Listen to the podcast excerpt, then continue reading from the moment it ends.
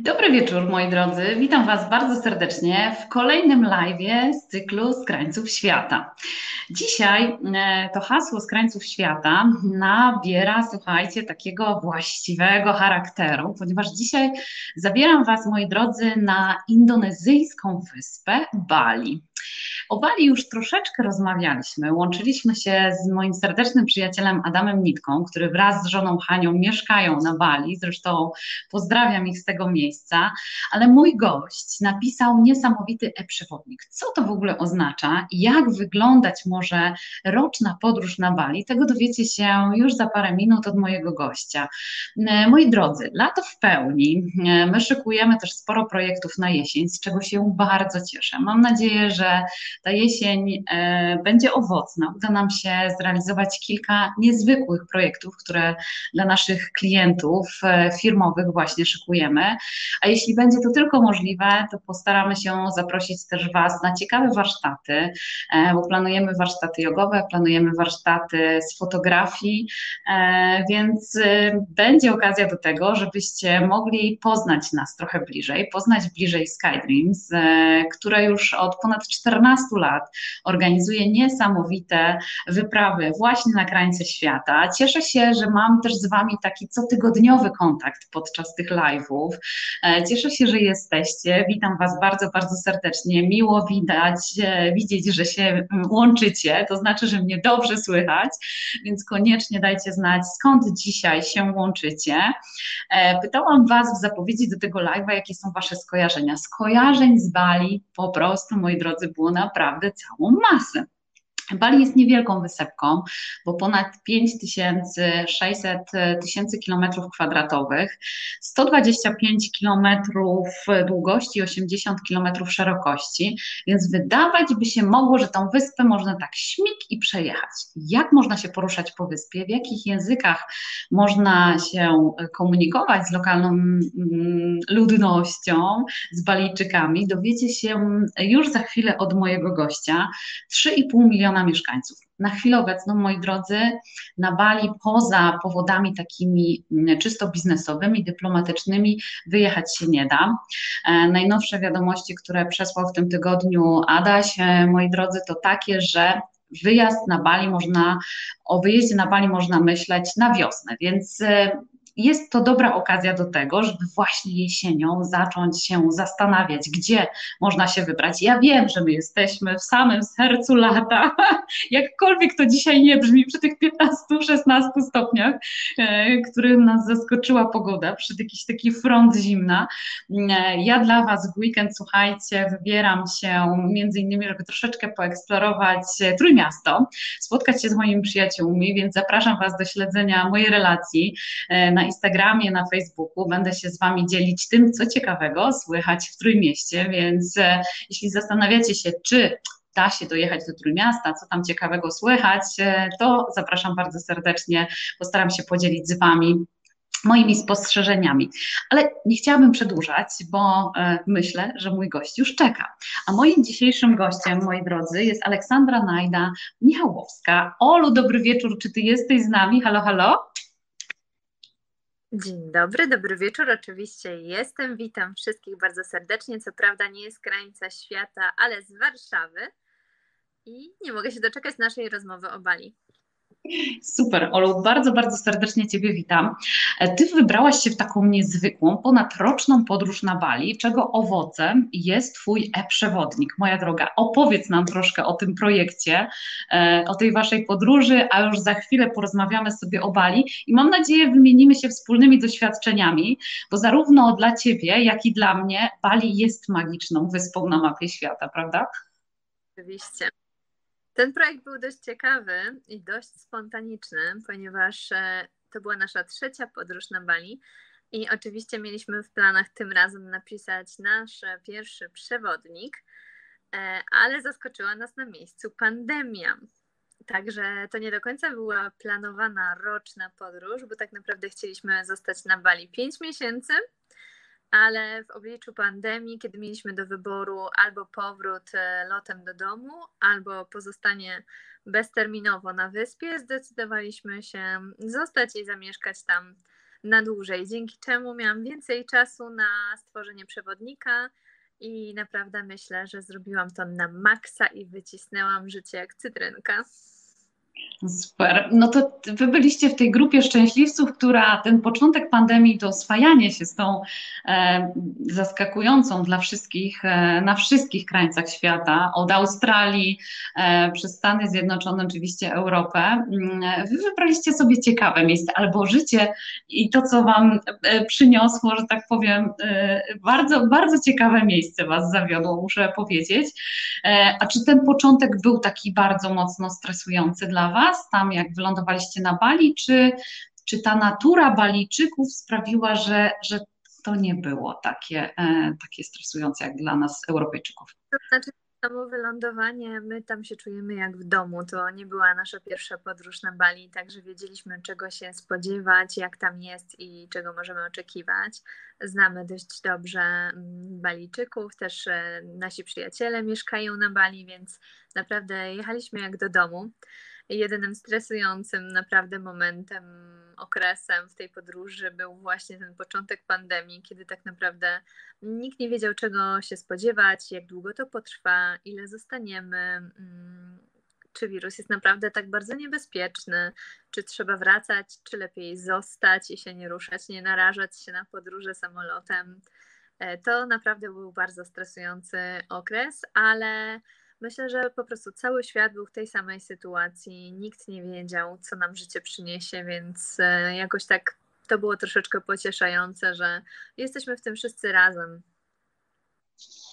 No dobrze, to zacznijmy od początku, moja droga, ponieważ wy czujecie się tam jak w domu. E, ja też miałam przyjemność e, kilkakrotnie odwiedzić Bali i już się nie mogę doczekać realizacji naszego projektu, który został trochę w czasie odsunięty, ale niemniej jednak będzie bardzo magicznym projektem, bo to projekt śladami e, książki Elizabeth Gilbert Jedz, módl się i kochaj, który jestem przeogromną fanką i jednym z moich marzeń było właśnie zorganizowanie trzech takich podróży i możliwość zaproszenia Was e, do udziału w takim wyjeździe, Was w sensie nasi kochani widzowie.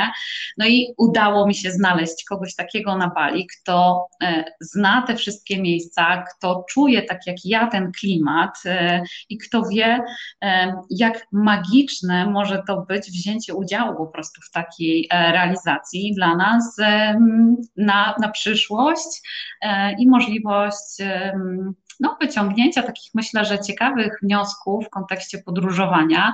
Bo ja chcę Cię jeszcze, Olu, zapytać. Wy podróżujecie razem z mężem i te podróże są Waszym sposobem na życie? Są Wy tak. inspirujecie się mm, podróżami. No właśnie, może zacznijmy od tego kontekstu, a zaraz sobie przejdziemy, obiecuję, do Bali. To jak to jest z tymi waszymi podróżami? prowadzę bloga od 2010 roku, więc jestem takim troszeczkę dinozaurem blogosfery. Ten blog ewoluował przez lata. Początkowo to był blog taki modowy, potem mm, pisałam o lifestyle'u, stylu życia, tak zwanym, czyli o wszystkim i o niczym. Czułam, że ludzie mogą interesować moje podróże, e, które są moją wielką pasją od, w zasadzie od dziecka, dzięki moim rodzicom. E, I kiedy zobaczyłam, że tak naprawdę ludzie są ciekawi, chcą wiedzieć, jak organizuję swoje podróże, gdzie jeżdżę, jak odkrywam ukryte skarby różnych destynacji, gdzie szukam miejsc, noclegów, e, zaczęłam o tym pisać i tak jakoś dość mocno się to rozkręciło. Działam na Instagramie, działamy na TikToku e, i nadal prowadzę bloga. Także z tego głównie i oczywiście same przewodniki. E, co prawda do tej pory wydaliśmy tylko dwa, ale tak jak wspominałam tutaj Wam, że zaczęliśmy mm, tą działalność w pandemii, więc nie jest to najszczęśliwszy okres na wydawanie przewodników, przyznaję. Ale no myślę, że to mi da też taki czas, żeby mm, te moje treści, te moje przewodniki były naprawdę dopracowane w stu procentach. No więc moi drodzy, jeśli lubicie podróże, jesteście ciekawi tego, gdzie warto zrobić e, ładne zdjęcie lub zainspirować się, to ja Was odsyłam zdecydowanie na profil Oli na Instagramie. W ogóle jest absolutnie genialny. Ja Ci gratuluję, bo wiem, ile pracy wymaga stworzenie takiego profilu. E, więc e, to jest naprawdę super i od tego chciałabym zacząć. No ale my dzisiaj spotkałyśmy się po to, żeby porozmawiać o Bali. E, o ile ty i ja wiemy, gdzie to Bali leży, to myślę, że mogą być wśród nas takie osoby, które się zastanawiają, gdzie w ogóle to Bali jest, jakie są symbole i skojarzenia e, właśnie z Bali. Może od tego byśmy sobie zaczęły. Bali jest jedną z e, ponad 17 tysięcy indonezyjskich wysp i największe takie skojarzenia myślę, że e, jest to taka magiczna aura, którą zapewnia tej wyspie hinduizm balijski, czyli religia wyznawana przez większość mieszkańców. I jest to na tyle, mm, jest to po prostu wyjątek w skali świata, nie ma drugiego takiego miejsca. I dlatego właśnie jest e, wyspa nazywana Wyspą Tysiąca Bogów i myślę, że to jest takie największe skojarzenie. Świątynie, niesamowite świątynie. Wszędzie świątynie. Tak, ale nie da się być na Bali i nie dotknąć tej duchowości, która otacza e, każde miejsce. Słuchajcie, wyobraźcie sobie, że na terenie każdego hotelu, mniejszego czy większego, znajduje się świątynia, która jest częścią jak gdyby krajobrazu, więc nie ma takiej opcji, żeby nawet jako przyjeżdżacie jako turyści, żeby nie dotknąć tej duchowości. Zresztą ona jest w ogóle absolutnie magiczna. To, że Elizabeth Gilbert tak pięknie ją opisała w tej książce, to jedno, ale naprawdę wierzcie mi, czy spacerując, czy wsiadając na rower, czy wsiadając do rikszy, no właśnie, bo poruszać się po Bali, o tym sobie zaraz też porozmawiamy, można na milion sposobów. I mimo, że e, teoretycznie, geograficznie, czy patrząc na odległość, długość i szerokość tej wyspy, ona wcale się nie wydaje duża. Ale to poruszanie się nie jest takie jak u nas w Polsce, że wsiadamy, jest autostrada, po prostu da się przejechać. E, Olu, jakbyś była, jakbyś miała możliwość podzielenia się od, i powiedzenia, co ciekawego można robić na Bali i czy jak ktoś nie był, to Twoim zdaniem da się Bali porównać do jakiegoś innego miejsca na świecie, które jest takie jak Bali? E, jak to? I nie mówię to dlatego, że Bali jest moim domem, tylko dlatego, że naprawdę nie ma drugiego takiego miejsca, przynajmniej ja takiego drugiego miejsca nie odkryłam i właśnie to jest to związane z tą religią, z tą duchowością i z tym niesamowitym klimatem, który, który tworzą ludzie, więc niestety po prostu trzeba nas odwiedzić, trzeba pojechać i zobaczyć na własne oczy tę naturę, tę kulturę i nie, no po prostu nie ma drugiego takiego miejsca e, na świecie. Panuje tam tam e, klimat równikowy, wilgotny, więc cały rok jest mniej więcej podobna temperatura. Tam wahania e, są o 4-5 stopni dosłownie. Jest bardzo ciepło, od 28 do 33 stopni i bardzo wilgotno cały rok. Ale czy to oznacza, Olu, że nie ma znaczenia, kiedy na Bali polecimy, że jak gdyby cały rok jest tak samo dobra pogoda? E, czy są jak gdyby takie miesiące, w których ty byś polecała właśnie, żeby odwiedzić Bali? Mamy, wyróżniamy porę deszczową i porę suchą, ale z mojego doświadczenia wynika, y, że w związku ze zmianami klimatycznymi te pory bardzo się zazębiają i naprawdę ciężko już w tej chwili, tak jak kiedyś, um, wyznaczyć granicę, kiedy jest pora deszczowa i kiedy na pewno będzie padać, a kiedy jest pora sucha i będziemy mieć piękną pogodę. Dodatkowo wiele źródeł e, wprowadza ludzi w błąd, dlatego że Pora deszczowa kojarzy się z gorszą pogodą, więc wiele źródeł mówi, że jest to pora chłodniejsza. A to nieprawda. E, w porze deszczowej pada z mojego doświadczenia głównie nocami, mm, no ale niestety zdarzają się dni, kiedy mamy całą ścianę deszczu od rana do wieczora i jest bardzo gorąco, co dla nas, Europejczyków, może być troszeczkę trudne do wytrzymania. E, natomiast pora sucha jest chłodniejsza, około 28-29 stopni. Rzadziej pada, ale też e, mm, jakby są lepsze warunki do kąpieli. Mm, dzięki temu, że nie ma monsunów, woda jest przejrzysta. Mm, Czy powiedziałabym jednoznacznie, że jest lepsza lub gorsza pora na odwiedziny? Nie. Dlatego, że każda spór um, wyróżnia się swoimi, rządzi się swoimi prawami i ka z każdej można tak naprawdę skorzystać bardzo fajnie jako turysta. No, mm, nie dodałabym chyba do tego nic więcej, moi drodzy, e, więc o tyle jest fajnie. Ja myślę, że Bali, nie wiem, czy się zgodzisz ze mną, Ola, ale zarówno Bali, jak i Malediwy to jest, e, to, to jest e, coś wykreowanego w nas, że przynajmniej raz w życiu chcielibyśmy, mm, albo nas jakoś ciągnie do tych miejsc. I muszę powiedzieć, że Bali ma tak dużo do zaoferowania, bo ta duchowość, o której wspomniałaś, to jest jedna rzecz. E, jak gdyby cała natura i środowisko naturalne, lasy, roślinność, która jest absolutnie niesamowita. E, jednym z ciekawych sko- skojarzeń naszych widzów przy zapowiedzi były małpki. Nie wiem, czy ty też masz doświadczenia. Chyba po minie widzę, że tak. Więc natura też tam lubi płatać figle. E, to znaczy tak, e, jeśli mogę pięć słów o małpach na Bali, to proszę się do nich nie zbliżać. Mm, Dobra. większości krajów Azji Południowo-Wschodniej spotkamy te urocze, kochane zwierzątka, ale należy się od nich trzymać z daleka, ponieważ dzięki, dzięki turystyce e, one w ogóle się nie boją, e, podchodzą, wyrywają wszystkie przedmioty, okulary, aparat, e, pieniądze, jedzenie z torebki, wyrywają torebki, kradną potrafią podrapać albo ugryźć, także małpki, małpki są niezbyt pozytywnym skojarzeniem. Miałam doświadczenie zapoznać blisko z małpą, akurat mieszkając w Tajlandii. No i skończyło się na szpitalu i zastrzykać. E, no, y, słuchajcie, Bali nie jest jedynym miejscem, jeśli chodzi o te małpki. Ja tak specjalnie o tym napomknęłam, bo, bo wspomnieliście o tym w komentarzach. Ja mam doświadczenia ze Sri Lanki, one są równie odważne, ale jeśli byliście na Gibraltarze, to tam też są małpki, które bardzo chętnie podchodzą, cudowne zdjęcia można sobie zrobić, ale trzeba mieć faktycznie zamknięty plecak, bo one lubią zajrzeć, co tam mamy w środku, więc e, tak, są bardzo przyjazne. Na Bali też je spotkacie jak najbardziej. E, Olu, powiedz mi e, w takim razie, powiedzieliśmy, że jest to niewielka wyspa, uduchowiona, z ciekawą przyrodą, e, ale Twoim zdaniem, mm, co warto zobaczyć i czego doświadczyć, będąc na Bali? Jakie są największe atrakcje tej wyspy? Jeśli miałabym zacząć wymieniać wszystko, co warto zobaczyć na Bali, to obawiam się, że nie skończymy tego live'a tak prędko. W swoim przewodniku um, mam aż 303 strony atrakcji, które warto zobaczyć, a to nie jest wszystko, co widziałam. Po prostu zrobiłam um, selekcję i opisałam najlepsze rzeczy.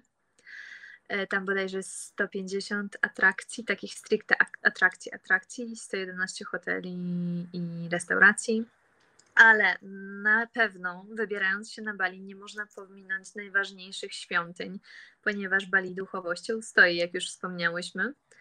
I to jest absolutnie najważniejsze, jakby pojechać na Bali i nie zobaczyć świątyń, to jest to tak jakby pojechać do Paryża i nie zobaczyć wieży Eiffla.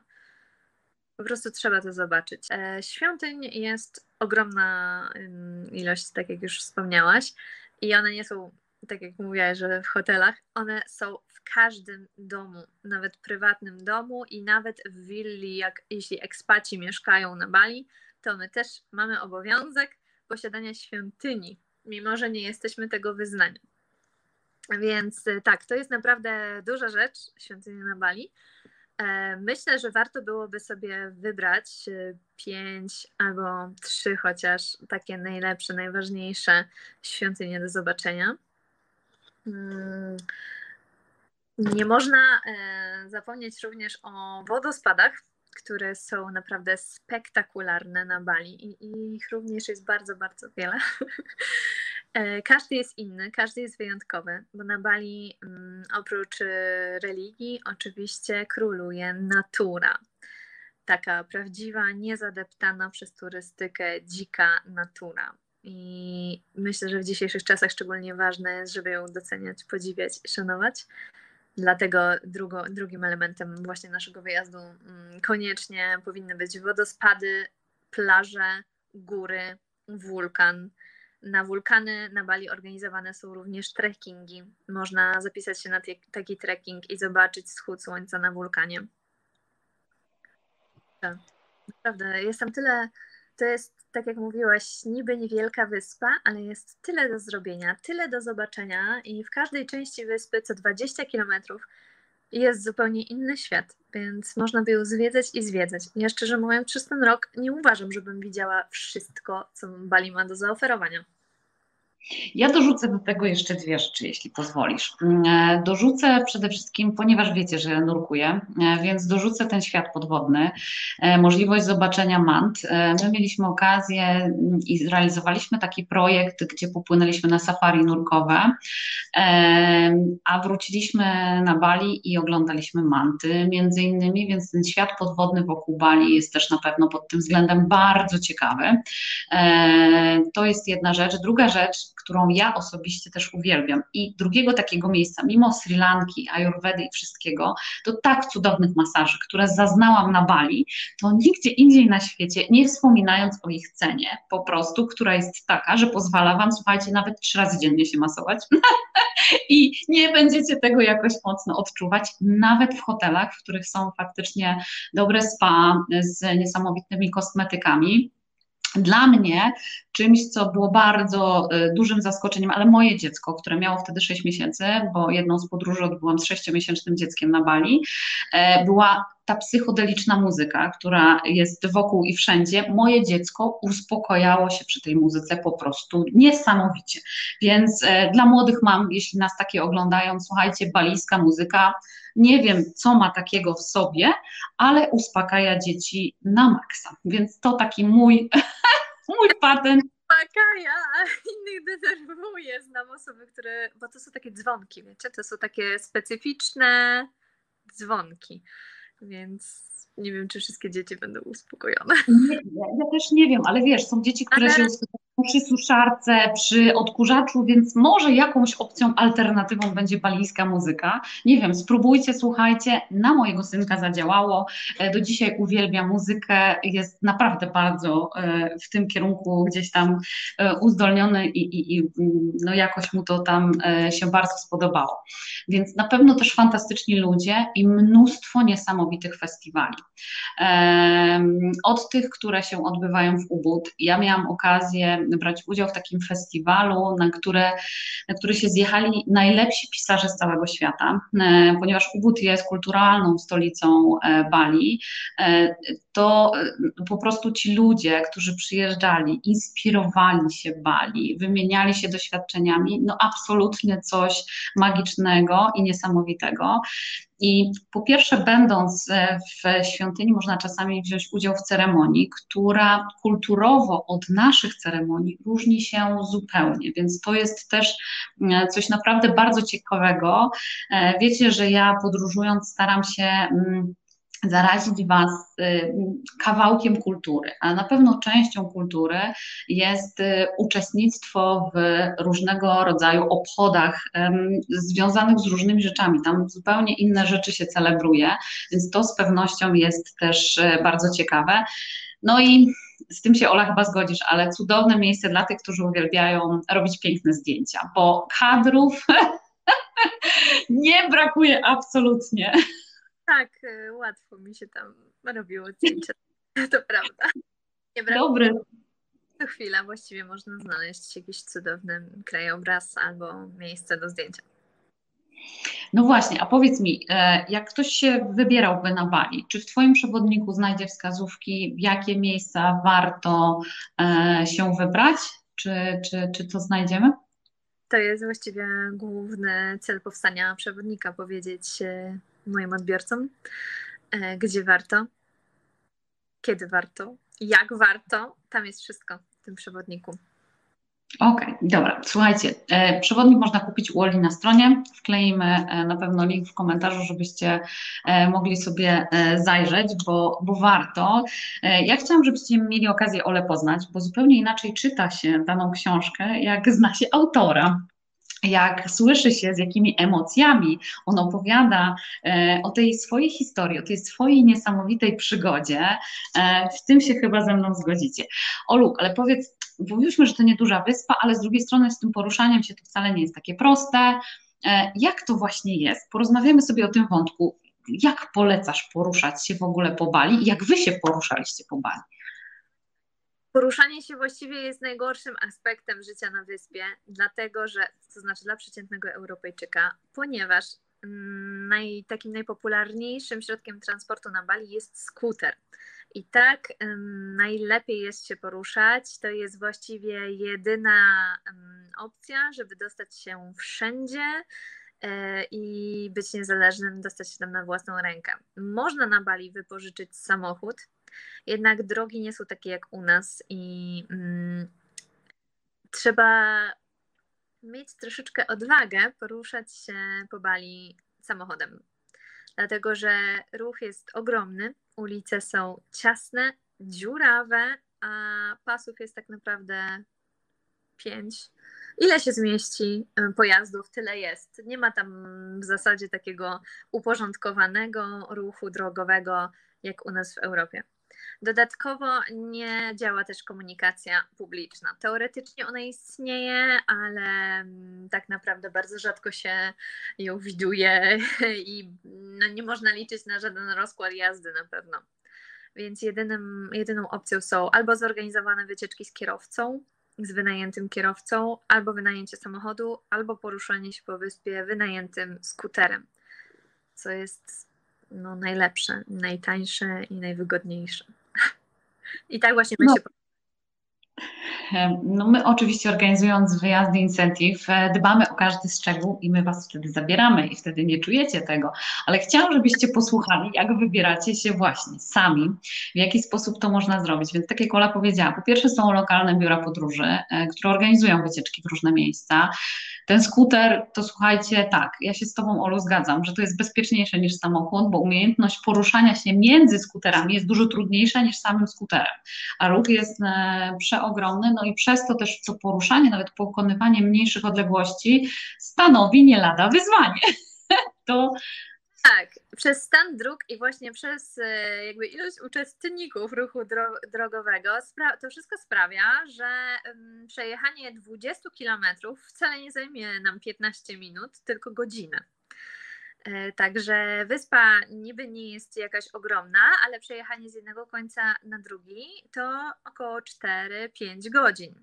I to jak ktoś potrafi się poruszać w korku.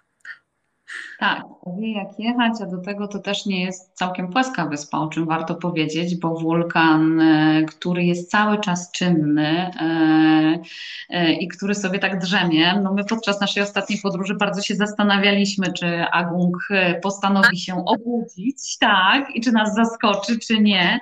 Na całe szczęście dał nam się poznać bliżej, ale nie na tyle blisko, że, że był bardzo aktywny, ale jest to jedna z takich rzeczy, które no, trzeba wziąć pod uwagę faktycznie podróżując e, na Bali. Ponad 3000 metrów nad poziomem morza, ale tak jak powiedziałaś, można naprawdę wybrać się na niesamowitą wycieczkę, żeby być troszkę bliżej, no a ci, co się trochę bardziej boją albo nie czują się aż tak bardzo sprawni, to są przepiękne tarasy widokowe, z których też można go podziwiać i zrobić sobie fantastyczne zdjęcie, więc e, to są też opcje są opcje różne dla bardziej aktywnych i dla mniej aktywnych. Tak jak wspomniałaś, Agung e, jest tym trudniejszym wulkanem i e, tutaj trekking jest dla bardziej zaawansowanych osób. Natomiast można sobie wybrać się na wulkan Batur. To jest mniejszy wulkan odrobinę i tam mm, naprawdę osoby nawet mało aktywne fizycznie, tak jak ja, są w stanie spokojnie podejść na wschód słońca. Taka wspinaczka się zaczyna drugiej rano. O czwartej zaczyna się tak już takie strome podejście i o szóstej rano możemy podziwiać wschód słońca na wulkanie i naprawdę bardzo polecam wybrać się chociaż raz. Magiczne doświadczenie, to na pewno, na 100 tysięcy procent. Tak jakby chociażby powitanie słońca, słuchajcie, na plaży, medytując czy praktykując jogę. To też polecam, bo e, Bali, że tak powiem, też jest miejscem bardzo sprzyjającym e, ku tego typu praktykom e, i zaglądaniu troszeczkę w głąb siebie, nabraniu dystansu do całego świata. No właśnie, Olu, teraz mieszkańcy, żebyśmy troszeczkę porozmawiali o Balijczykach, jacy oni są i przede wszystkim w jakim języku wy się z nimi komunikujecie, bo wspomniałaś, że macie sporo przyjaciół, e, no mieszkaliście przez rok, przez tydzień można wytrzymać bez kontaktu z e, ludźmi, którzy są wokół nas, ale już rok to chyba niekoniecznie. Nie da się, ale też nie izolowaliśmy się. Balijczycy są super sympatyczni, bardzo otwarci, bardzo ciekawi innych kultur. E, na przyjacielscy naprawdę mm, większość z nich pracuje w turystyce albo ma rodzinę, która pracuje w turystyce, więc praktycznie każdy chociaż trochę wypowiada się po angielsku. No, wiadomo, jeżeli zapuścimy się naprawdę w głąb wyspy, w jakieś malutkie wioski, nieturystyczne miejsca, to może być ciężej, ale nie ma takiego, e, takiego takiej, takich ludzi, takiej społeczności, z którymi się nie dogadamy nawet na migi, naprawdę. Mm, bariera językowa podróży to jest niewielki problem. Także. A macie, jakieś, Olciu, a macie jakieś swoje patenty? No bo czasami właśnie zaglądacie gdzieś tak w głąb, e, nie tylko na Bali, ale w różnych innych miejscach. Macie swój jakiś patent, żeby się dogadać z ludźmi, czy e, właśnie, czy, czy posługujecie? Nie, ale też używamy po prostu translatora offline. Jeżeli chcemy coś powiedzieć takiego nietypowego, mamy jakiś problem albo coś w tym stylu, to po prostu używamy translatora. No, Balijczycy, Indonezyjczycy mówią po indonezyjsku, ale też e, na poszczególnych wyspach występują różne dialekty i odmiany indonezyjskiego. E, I na Bali mówi się po balijsku.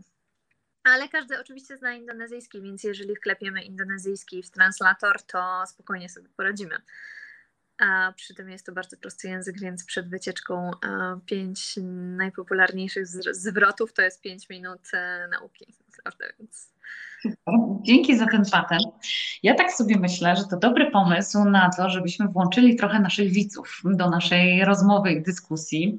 E, ja przygotowałam dla Was, słuchajcie, mapę mapę sprawkę, e, którą bardzo chciałabym komuś sprezentować dzisiaj. Może to być mapa Waszych marzeń, może to być mapa odbytych przez Was podróży lub też tych e, właśnie, które planujecie e, w najbliższym czasie lub w ogóle kiedyś, bo nie tylko chyba na Bali, ale jest coś takiego, że jeśli coś, o czym bardzo intensywnie myślimy, spiszemy sobie, to słuchajcie, ma dużo większe prawdopodobieństwo, żeby się spełniło. Więc być może ta mapa będzie dla kogoś z Was właśnie takim otwarciem na spełnianie marzeń. Olu, czy byłabyś uprzejma zadać naszym widzom jakieś pytanie konkursowe, żeby ich troszkę włączyć do rozmowy z nami?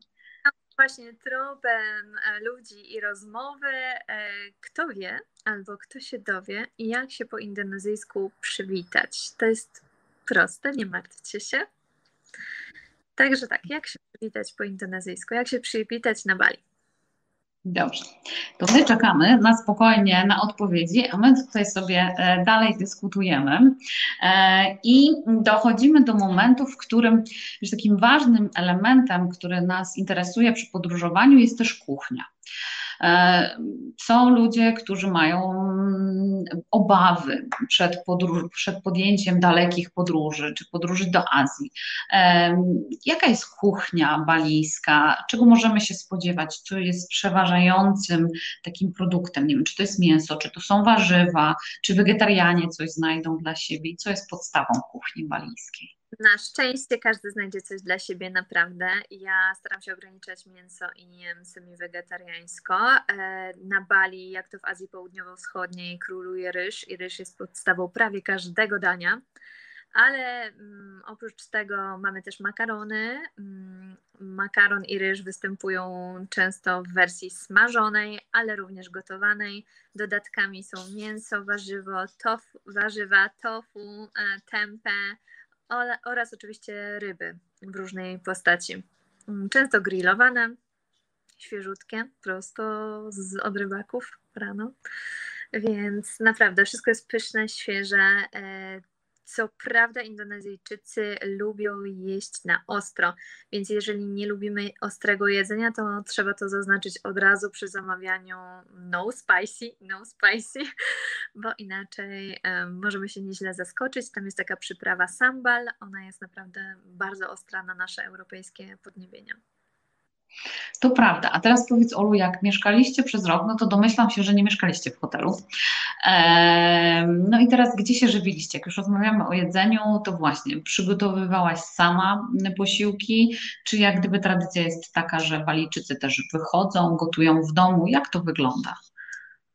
Wszyscy wychodzą, e, nawet jeśli nie dysponują ogromnym budżetem, to praktycznie wszyscy jedzą na ulicy w różnych mniejszych lub większych knajpach. Są też e, knajpy takie przydrożne street food.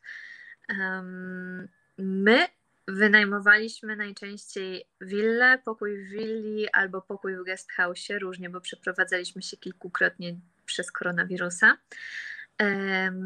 I mieliśmy co prawda kuchnię, zawsze mieliśmy kuchnię, bo no, nigdy nie wiadomo, co się w życiu wydarzy i czy nie trzeba będzie mm, sobie radzić samemu.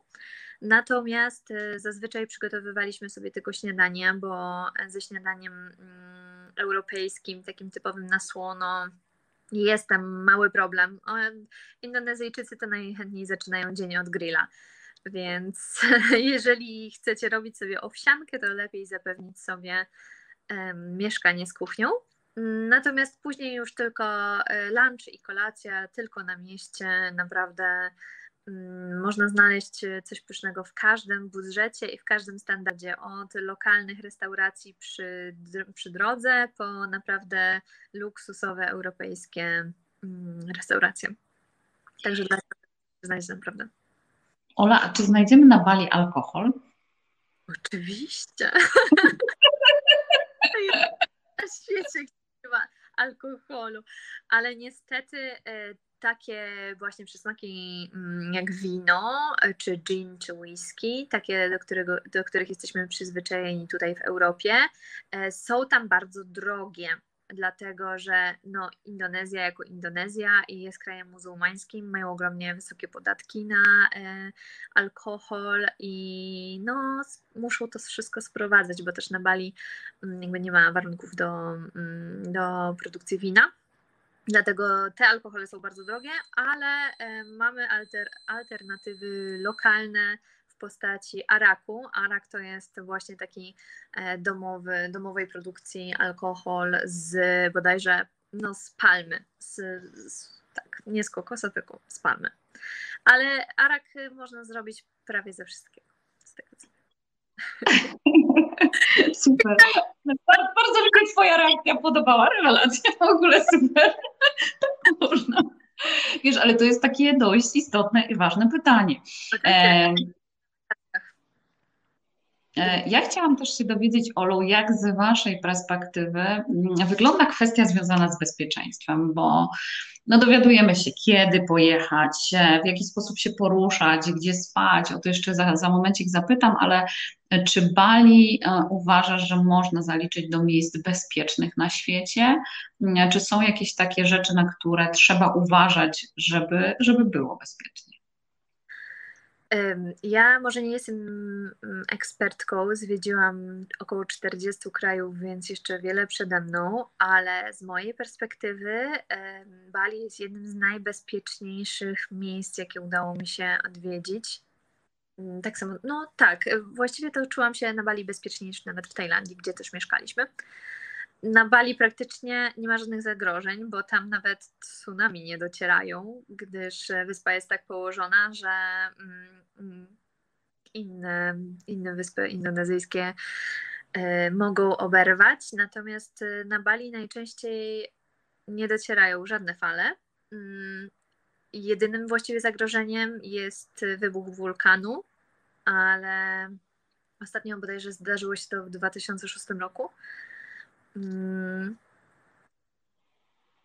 Jeśli chodzi o ludzi, o, to jedynym właściwie zagrożeniem są kradzieże w turystycznych kurortach. E, mogą się zdarzyć. E, czasem zdarza się na przykład, że ktoś wyrwie komuś torebkę na skuterze jadąc, ale generalnie nie mogę sobie przypomnieć żadnych, e, żadnych potencjalnie mm, groźnych sytuacji na Bali, naprawdę. I tak samo dla podróżników solo.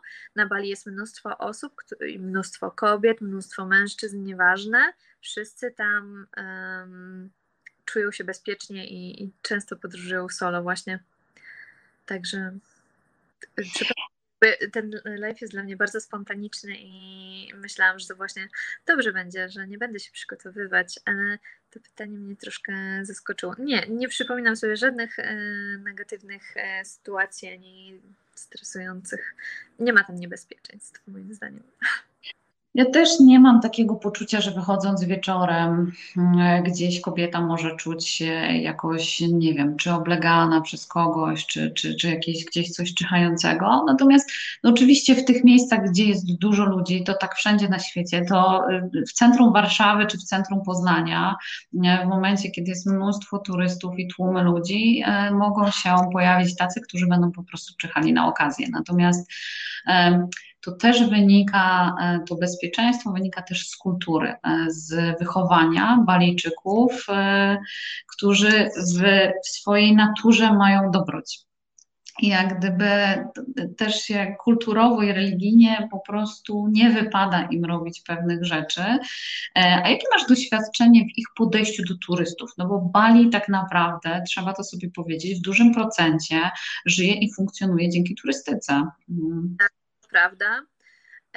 To znaczy tak, musimy pamiętać, że oczywiście hinduizm balijski zabrania kraść, oni są bardzo religijni i naprawdę nigdy nie zrobią nikomu krzywdy mm, takiej właśnie mm, naprawdę można się czuć bardzo z nimi bezpiecznie, ale musimy pamiętać, że Bali jest turystyczną wyspą e, i tam przyjeżdżają e, różni ludzie z różnych innych wysp, którzy nie są wychowani w tej kulturze, więc jakieś tam zagrożenie właśnie jeśli chodzi o kradzież i tak dalej może na nas czyhać i to niekoniecznie zostaniemy mm, napadnięci przez Balijczyka to trzeba o tym pamiętać, że właśnie no, to się może po prostu zawsze zdarzyć i wszędzie, tak jak mówię, w zatłoczonych miejscach. Natomiast jeśli chodzi o podejście Balijczyków do turystów, e, to ono się oczywiście zmienia i zależy również od miejsca, bo e, Bali tak mocno weszło w turystykę już w latach 70., więc oni, no, umówmy się, mogą być już troszeczkę zmęczeni turystami. Mm, Bali bodajże w ponad 90% żyje z turystyki, e, więc po prostu z jednej strony bardzo szanują i bardzo lubią turystów, bardzo są ciekawi e, innych kultur, innego życia, tego jak żyjemy w Europie, co, co robimy na co dzień. Ale z drugiej strony czasami może nas spotkać takie już o matko znowu turyści. Także myślę, że to jest normalne w każdym takim bardzo popularnym miejscu. Natomiast dlatego właśnie polecam między innymi w swoim przewodniku i w ogóle na swoim Instagramie polecam schodzenie z utartych szlaków i oddalanie się od bardzo turystycznych miejsc, gdzie e, zaznamy bardziej autentycznego życia i autentycznych doświadczeń.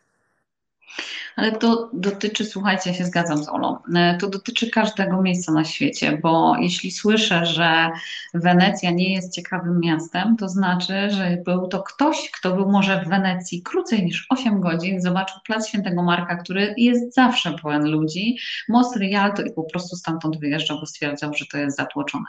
E, jeśli się wejdzie z boku, właśnie specjalnie, popatrzcie, słuchajcie, gdzie są te turystyczne szlaki i zejdźcie w drugą stronę, zobaczycie zupełnie inny świat i dotyczy to i Bali, i każdego innego miejsca.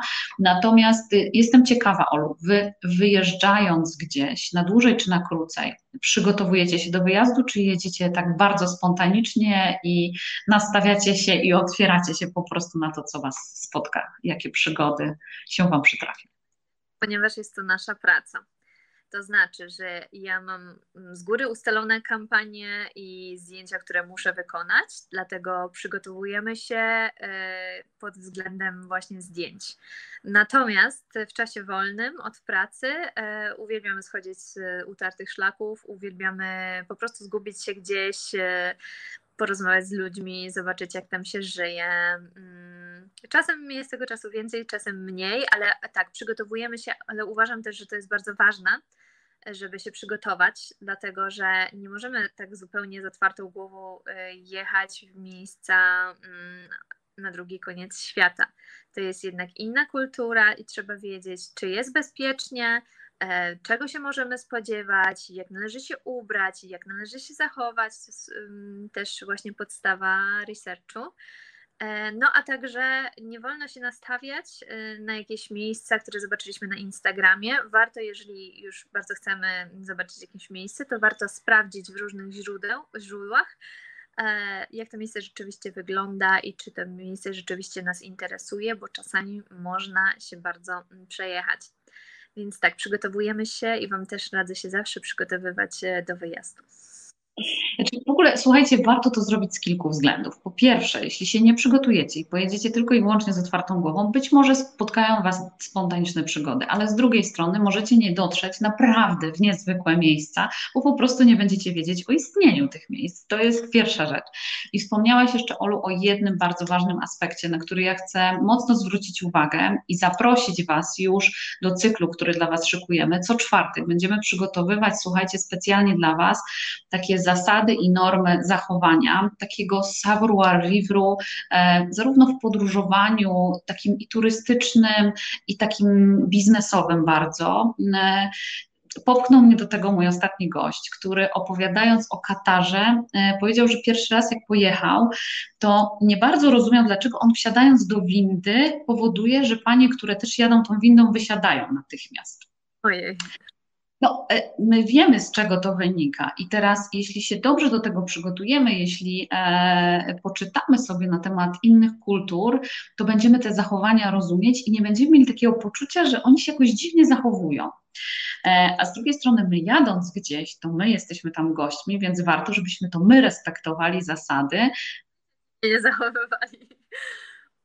No właśnie, więc słuchajcie, obiecuję, że o mm, e, rodzaju powitania, rodzaju przyjmowania prezentów e, i różnych innych ciekawych zachowań e, Raz w tygodniu będę do Was pisać e, i w tym tygodniu oczywiście napiszę o Indonezji. To tak w kontekście nawiązania do naszej dzisiejszej rozmowy z Olą e, opowiem Wam o kilku zasadach i normach zachowania właśnie e, na Bali między innymi i na innych indonezyjskich wyspach, tak żebyście po prostu czuli się komfortowo. Chcę dorzucić Wam dodatkową cegiełkę pewnego komfortu psychicznego i tego, żebyście rozumieli, dlaczego ludzie na miejscu, w miejscu, które odwiedzacie, zachowują się tak, a nie inaczej. Czy to wynika z kultury, czy to po prostu jest e, e, no, pewna norma, e, którą jak przyjmiecie, też będziecie milej przyjęci w danym miejscu. Także zachęcam Was bardzo serdecznie, żebyście zajrzeli zarówno na nasz profil na Instagramie, jak i na Facebooku. Obiecuję, że te informacje się pojawią. Olu, co Ty sobie przywozisz z Bali? Jakie pamiątki można przywieźć z Bali?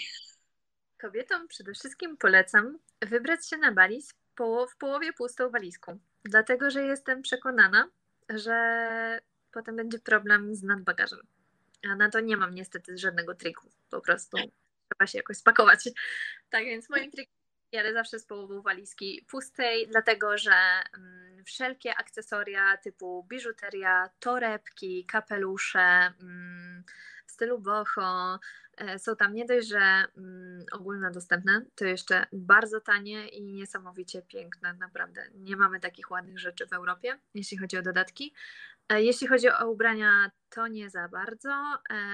Raczej jest to jakiś tam import, y, wiadomo skąd, e, i, i nie jest to za dobrej jakości. Natomiast właśnie dodatki, akcesoria, też buty, torebki skórzane, świetnej jakości i ręczne, um, ręcznej roboty. I właśnie bardzo Wam polecam, żebyście wybierali, starali się wybierać lokalne produkty, no żeby po prostu też wspomóc lokalną społeczność, a nie sieciówki. E, co jeszcze można kupić? E, kosmetyki naturalne, mm, oczywiście. Azjatki bardzo dbają o, urodę, tylko bardzo uważajcie, dlatego że większość kosmetyków sprzedawanych e, na Bali i w ogóle w Indonezji jest, wybielających. Więc jeżeli walczyłyście o, o paleniznę, to, bo to głównie do kobiet wiadomo, jeżeli walczyłyście o paleniznę, no to później niestety można się zaskoczyć i, i być bardziej białym niż przed wakacjami.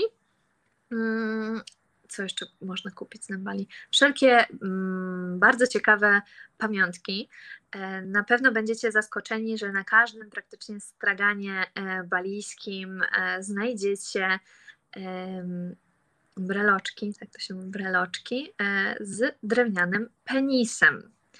I to nie jest żaden, żaden tani turystyczny chwyt marketingowy, ani nic takiego obciachowego i turystycznego, E, tylko po prostu e, w tej kulturze penis oznacza urodzaj i mm, ma tak jakby, to jest taki amulet szczęścia, tak jak u nas końska podkówka, to u nich po prostu no penis, więc na pewno się zaskoczycie, ale warto sobie kupić na szczęście. E, wszystkie dodatki do domu w stylu boho, na przykład miseczki z łupinki kokosa, e, doniczki, osłonki na doniczki, sztućce, naprawdę tego jest cała masa i właśnie to są lokalne wyroby e, bardzo dobrej jakości. No tak, także pół ja do tego jeszcze bym dorzuciła, jeśli szukacie czegoś takiego wyjątkowego do domu, e, to drewniane, słuchajcie, stoły, meble po prostu są absolutnie niesamowicie i oczywiście nie zabieracie wtedy tego na podręcznym bagażu, tylko wysyłacie to przesyłką i przychodzi to do Was, e, przypływa bardziej e, po paru tygodniach i wtedy możecie to sobie postawić sklepy od razu to sprzedawca w sklepie da radę to od razu załatwić, więc wszystko jest w jednym miejscu. Tak, nie trzeba kombinować.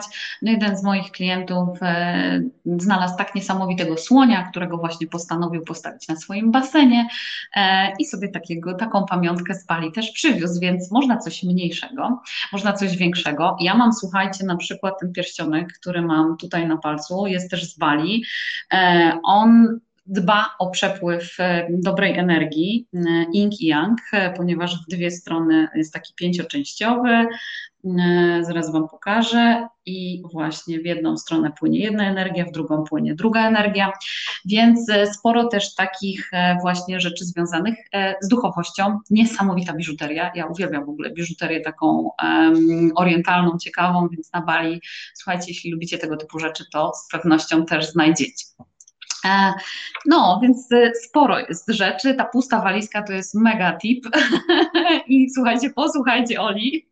E, ja też lubię czasami sukienki, takie z ciekawych tkanin, ponieważ one mają takie wzory i dekory, których w Europie raczej nie znajdziecie, ale to polecam właśnie na takich lokalnych rynkach, na których kupują też balijki, więc możecie się dowiedzieć zawsze, czy od pilota, przewodnika, czy jakiegoś przyjaciela, gdzie oni robią zakupy i wtedy nie właśnie na tych turystycznych, tylko na tych typowo lokalnych, to można znaleźć te, które nie mają na metce napisane Made in China, mm, a nawet jeśli mają, no to, to są też e, fajnej jakości i mm, z dobrej bawełny bo takie rzeczy też można znaleźć.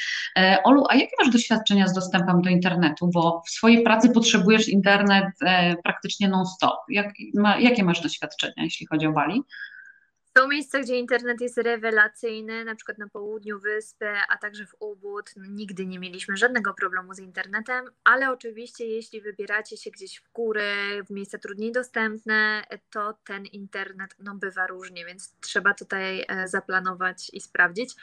My, mieszkając długoterminowo, e, za każdym razem, kiedy się przeprowadzaliśmy, sprawdzaliśmy najpierw internet w miejscu, gdzie mieliśmy mieszkać e, Nigdy nie mieliśmy jakiegoś takiego problemu mm, z dostępem, no ale też nie działamy jakby do tego, co my robimy, nie potrzebujemy jakichś ogromnych, e, ogromnych prędkości internetu, więc e, my mamy bardzo pozytywne doświadczenia. Nigdy nie było tak, że zostaliśmy nawet w górach e, zupełnie bez zasięgu i zupełnie bez możliwości komunikacji. Oczywiście, jeżeli wybieracie się na Bali, na, to nie liczyłabym tylko na Wi-Fi. Na lotnisku, a także mm, w wielu punktach w mieście możecie kupić lokalną kartę SIM i wtedy macie dostęp do, do danych e, cały czas. I to rozwiązanie najbardziej polecam. Ja się do tego dorzucam. Wiecie doskonale, że czy to na lotnisku, czy, e, czy w sklepie zaraz po wylądowaniu gdzieś tam warto i, i wtedy jesteście zupełnie niezależni, bo nawet jeśli w hotelu jest internet, no to bywają godziny, że jest tak przeciążony, że absolutnie wtedy nie jesteście w stanie nic zrobić, ani zajrzeć do poczty, ani, że tak powiem, sprawdzić, co dzieje się, czy dać znać swoim najbliższym, że wszystko u Was e, w porządku. E, Olu, tak sobie myślę, że jestem tak bardzo ciekawa, czy nasi widzowie udzielili prawidłowej odpowiedzi na Twoje pytanie. Więc Sprawdzimy? Co Ty na to? Sprawdźmy. Sprawdźmy, jakie są odpowiedzi na, na pytanie konkursowe, które brzmiało, jeszcze raz Olu przypomnij. jak się przywitać z Baliczyk? Selmat Pagi, pisze Karolina. Zobaczmy, jak jest dalej. E, To znaczy różne, mm, jakby o każdej porze wita się trochę inaczej, ale takim właśnie podstawowym jest Lemat Pagi. Czyli Karolina udzieliła poprawnej odpowiedzi. Tak. No dobrze, a czy była jedyną osobą, która takiej odpowiedzi? Basia napisała też tutaj z rozpiską. Proszę, dzień dobry, Tak. rano do 11. Wow, ale super, tak precyzyjnie. Lubię takie odpowiedzi, wiesz? Tomek e, pisze o rany. Ja tego nawet nie jestem w stanie przeczytać. Ola, jesteś w stanie? Ja nie widzę tego. Więc A, No to- okej. załatwiłam cię konkretnie, ale ja tego nie widzę, więc E, To dobrze, ja spróbuję. Bagi, mana, okej. Dobrze. Kamil pisze na Bali, witamy się przez skinięcie głową z rękoma złożonymi na wysokości klatki piersiowej, czyli tak jak namaste. Dobrze, tak pisze Kamil. Kamil w ogóle świetnych odpowiedzi udziela. W zależności od pory dnia, e, do południa, po południu, wieczór, po zachodzie słońca. Wow, ale super mamy, słuchaj, dzisiaj widzów, po prostu tak precyzyjni, że koniec świata. Widzisz? być.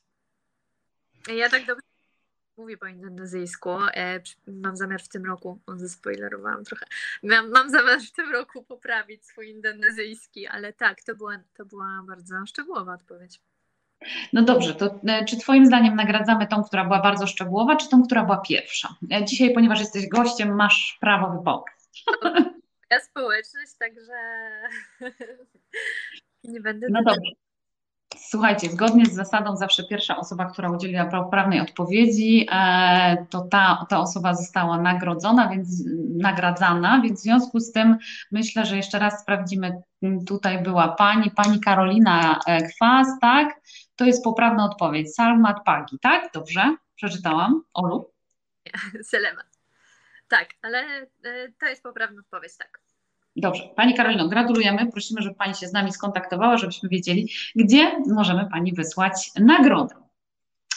E, Olu, ja jeszcze się tak zastanawiam na koniec, e, ponieważ powiedziałaś, że odwiedziliście ponad 40 krajów.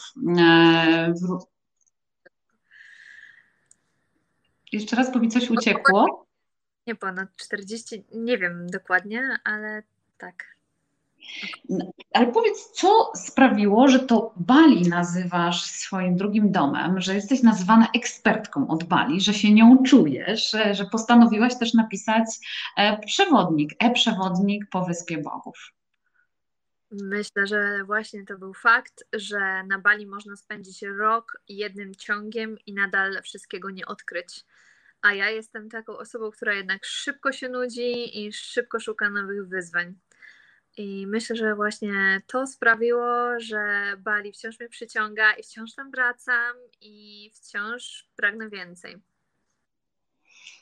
No, słuchajcie, mam nadzieję, że udało nam się razem z Olą zainspirować Was do tego, żeby zaplanować na wiosnę przyszłego roku wyjazd na Bali. E, Czy postanowicie wybrać się z plecakiem i poeksplorować Bali, zachodząc czy to na trekking e, na wulkan, czy po prostu wypoczywając na plaży, czy też właśnie eksplorując em, okoliczne wody i nurkując, do czego Was bardzo, bardzo serdecznie e, zachęcam. Są bazy nurkowe, jest nawet polska baza nurkowa, e, więc e, można, że tak powiem, zapukać i nawet nie będziecie musieli się silić na jakieś obce języki, więc e, do tego Was bardzo, bardzo serdecznie zachęcam.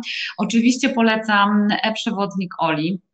To już dla tych, którzy e, chcą e, mieć przygotowane i sprawdzone dokładnie przez kogoś, kto e, miał przyjemność i okazję mieszkać tam przez rok, ale jednocześnie nadal mieszkać w Polsce, co też jest bardzo ciekawe, bo Ola z pewnością pewne rzeczy porównuje, ma odniesienie i wie, e, czego, czego my, Polacy, Europejczycy szukamy, e, co jest dla nas ciekawe i atrakcyjne, dlatego e, wiem, że będzie to ciekawa dla Was pozycja, także bardzo, bardzo serdecznie Was do tego zachęcam. Ja słuchajcie, zapraszam Was na kolejny live za tydzień. Tym razem postanowiłam zabrać Was do Izraela, moi drodzy, żeby Wam pokazać też kawałek troszeczkę innego świata, zupełnie innej kultury.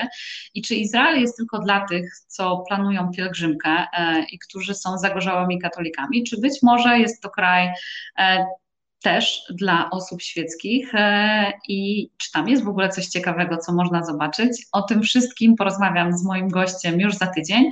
Tobie, Olu, bardzo, bardzo serdecznie dziękuję za tą rozmowę za tego live'a. E, mam nadzieję, że gdzieś tam spotkamy się na szlakach turystycznych w jakimś ciekawym miejscu.